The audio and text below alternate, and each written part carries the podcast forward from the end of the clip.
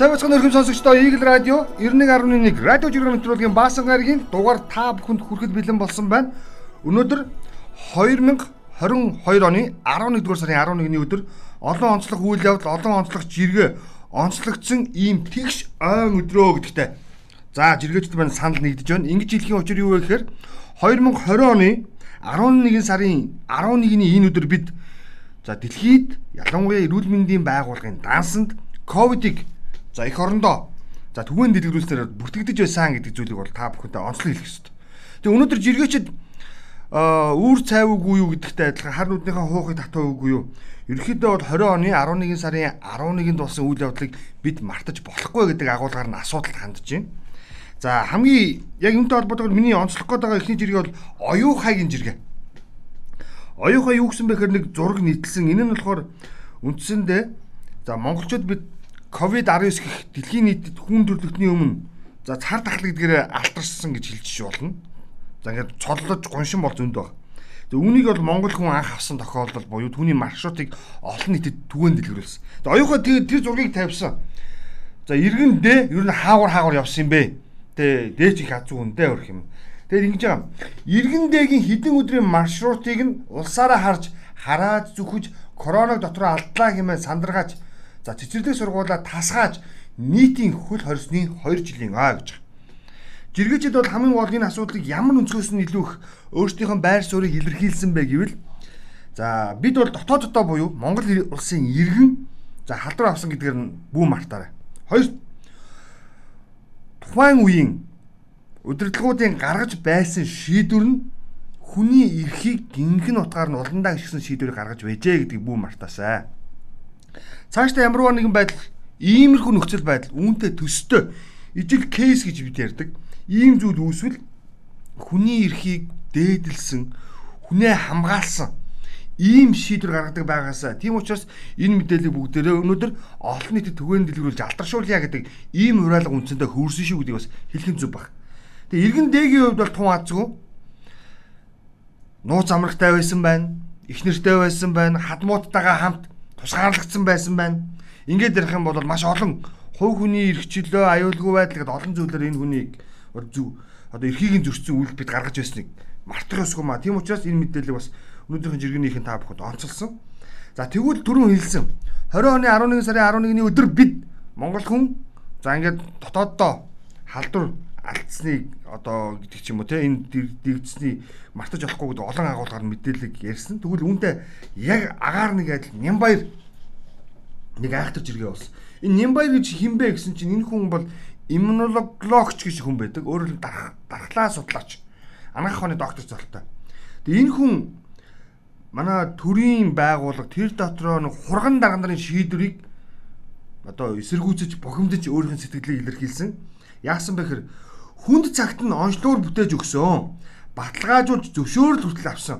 Баахан магтуулсан импортын онцлогооруудын үнийг нас буулгасан. Гэхдээ дараа нь хэрэглээнд оруулалгүй хацаасан. Одоо бүр бүрдүүлсэн багийг нь лабораторид нь устгах юм гинэ.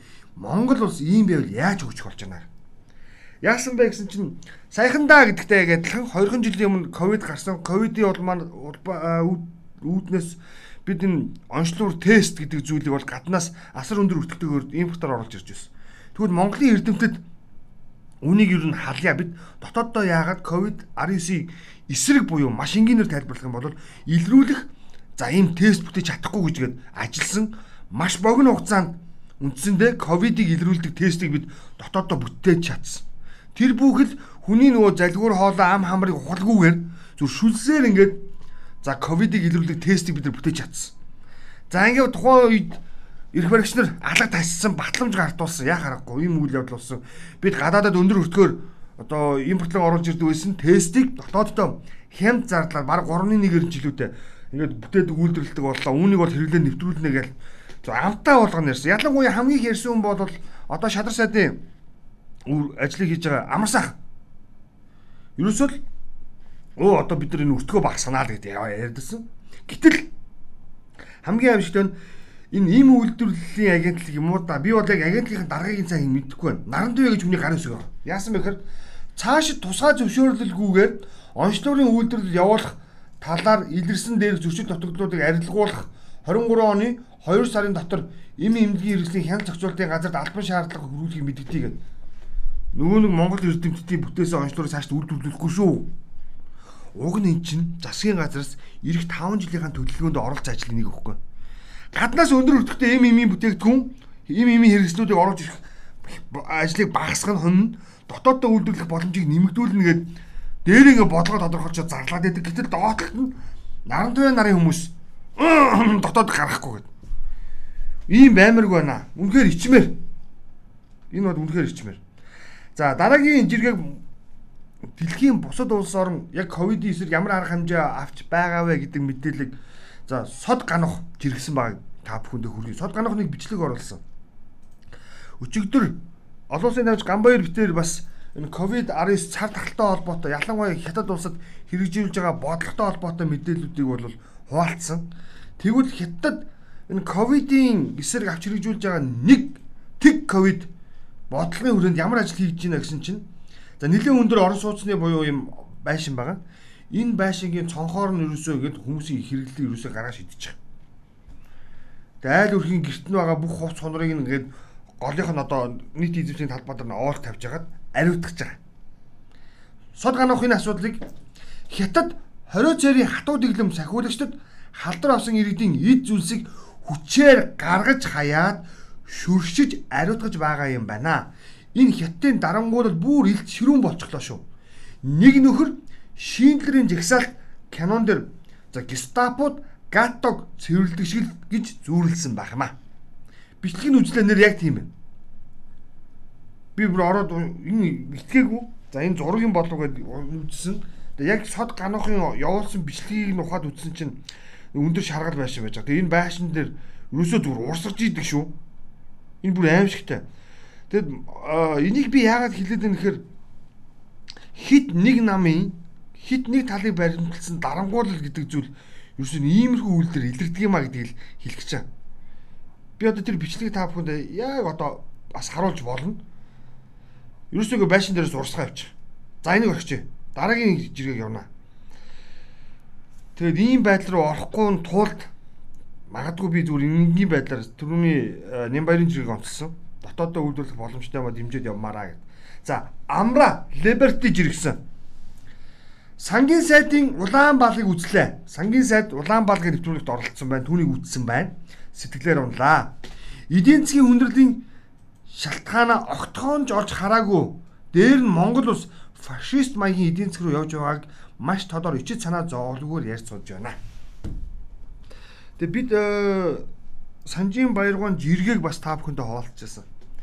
Яг энэ асуудлаар буюу сангийн сайдын ярилцлагыг үзлээ, боломжтой юм байна. Боломжтой юм байна. Энэ асуудлуудыг за ингээд ерөөхдөө одоо хэрэгжүүлээд явах бах энэ дээрээ ярьж исэн. Тэгсэн чинь энэ асуудал дээр яасан бэ гэхээр яасан бэ гэхээр хамгийн гол бодлого тодорхойлохдоо жоохон нэг тийм асуудалтай яриад байна гэдэг зүйлийг хэлж чинь амраа бас яг тэр зүйлийг улаан харчиж өөрөлдөн хүчээр асуудлыг шийдэх гэж оролдоод байна. Ингэж явах юм бол ер нь хэцүү шүү гэдэг агуулгаар нь жиргсэн баг. Тэгэд энийг бас учир мэд хүмүүс нь өөрсдөө дүгнэлтээ хийх байх. Манай сонсогч ч гэсэн сангийн сайдын тэр тайлбарлаад байгаа мэдээллийг нэг анхаарал үзэр. Тэгээ сангийн сайдын тэр ярианд бас нэг зүйл онцлогдсон. Бид олон улсын валютын сан хамрагдахгүй тэр хөтөлбөрт бол орохгүй. Гихтээ гихтээ Гэхдээ бид ямар нэгэн байдлаар асуудалд хандахдаа за дотоодынхон бүхий л нөөц болцоо шавхна гэдэг зүйлийг онцлогсон. Тэгвэл дотоодын нөөц болцоо гэдэг маань яг нөгөө баялаг бүтээгч хэрэглэгч нар би та гэсэн үг. Бидний халаас бол томхон гар орж ирэх юм дээ л гэж уншигдэж байгаа. Тэгээд түүнийг л амраа либерти жиргэж фашист маягийн эдийн засаг явах нь дээ л гэдэг. За Баасан гараг Баасан гарагтай холбоотой төрийн сонирхлын жиргэг та бүхэнд хэлье. Өглөө нь ажлыг шуугуулад өгнө гэдэл гарсан. Оройн чиг шуугаад ороод ирдэг болчтой энэ насных уу гэсэн. Нэр яг төсөөлөв тийм болоод байгаа. Ялангуяа энэ баасан гарагт бол ер нь бол энэ ажил явах байсан. Тэгэд яг энэ жиргээний доор орсон сэтгэлдлүүдийг базаад хэлэхэд ер нь баасан гарагт ажил хийдэг хүн байхаа болжээ гэдэг агуулга маш ихээр бичигдсэн бэл. Ер нь 7 хоногийн эхний 3 өдөр маш эрчимтэй ажил өрнөдөг юм байна. Ер нь нийт хөдөлмөр эхэлж байгаа хүмүүсийн идэвхийн байдлыг харах юм бол Пүрэв баасан гаргууд бол ерөнхийдөө идэх буураад байна. Тэгэхээр зарим нэг талаар нийгэм судлаач нар сонирхолтой мэдээллийг бас хуваалцсан бас. Юу вэ гэхээр ер нь энэ ажлын цагийн хуваарийн өөрчлөлтийг хийгээд багасгах шүү гэхдээ хамгийн гол нь.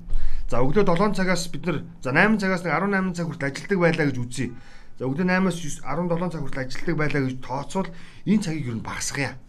8-аас 16 болгоё. 8-аас 15 болгоё, 7-оос 14 болгоё ч гэдэг юм. Тухайн салбаруудын онцлогоос хамаарат тэгээд ажлын цагийг багасгах. Гэхдээ нэг юм байна. Ажиллах өдрийг нь өмнөх нийгмийн буюу хагас жил 100 жилийн өмнө дагаж байсан шиг 6 өдөрлөө шилжүүлье. Ингиж хадвал хүмүүсийн гэр бүлдээ гаргах цаг болон өөрийгөө хөгжүүлэх цагууд нэмэгдэнэ. Түүнээс биш амралтын өдөр олон байснаар хүн гэр бүлдээ гаргах цаг гэдэг юм уу бусдад зарцуулах өөрийгөө хөгжүүлэх цаг гаргана гэж байхгүй. Зүгээр л хүн назгай буюу зайл болгож сул байхыг бодох цаг нь л ихсдэг. Тийм учраас магадгүй ажлын цагийг багасгах замаар буюу өөрөөр хэлбэл нэг өдөрт уртаар биш богино хугацаагаар ажиллаад харин хөдөлмөрлөх өдрийн тоог нь хуучнаар буюу 6 өдөр рүү оруулах яасан бэ гэдэг тийм сонирхолтой санал гаргачихсан байна. Тэгээд энэтэй холбоотой мэдээллүүд бас та бүхэн санал бодлоо бидэнд бас хуваалцаарай гэж. За дараагийн жиргээ жиргээч болчмор жиргэлсэн. За энэ би бүр яг бүр айгүй хичмэр жиргээ байгаа маа. Ингэсэн байгаль орчны сайд өчигдөр нэг өөрийнхөө цахим хуцаар мэдээлэл хийсэн. Нүхтийн аманд газар олгохыг хориглолоо гэд. Байгаль орчин аялал жуулчлалын сайдын тушаалаар өнөөдрөөс буюу 11 сарын 10-ны өдрөөс эхлэн богдуулын дархан заац газрын нүхтийн яамд газар ашиглах эрх шинээр олохыг хориглолоо. За байгаль орчны сайд ямар ч гэсэн нүхтийн яамд газар олохгүй дахиж өгөхгүй том тушаал гаргасан. Тэгээ ухлаа уншлаа үзлээ.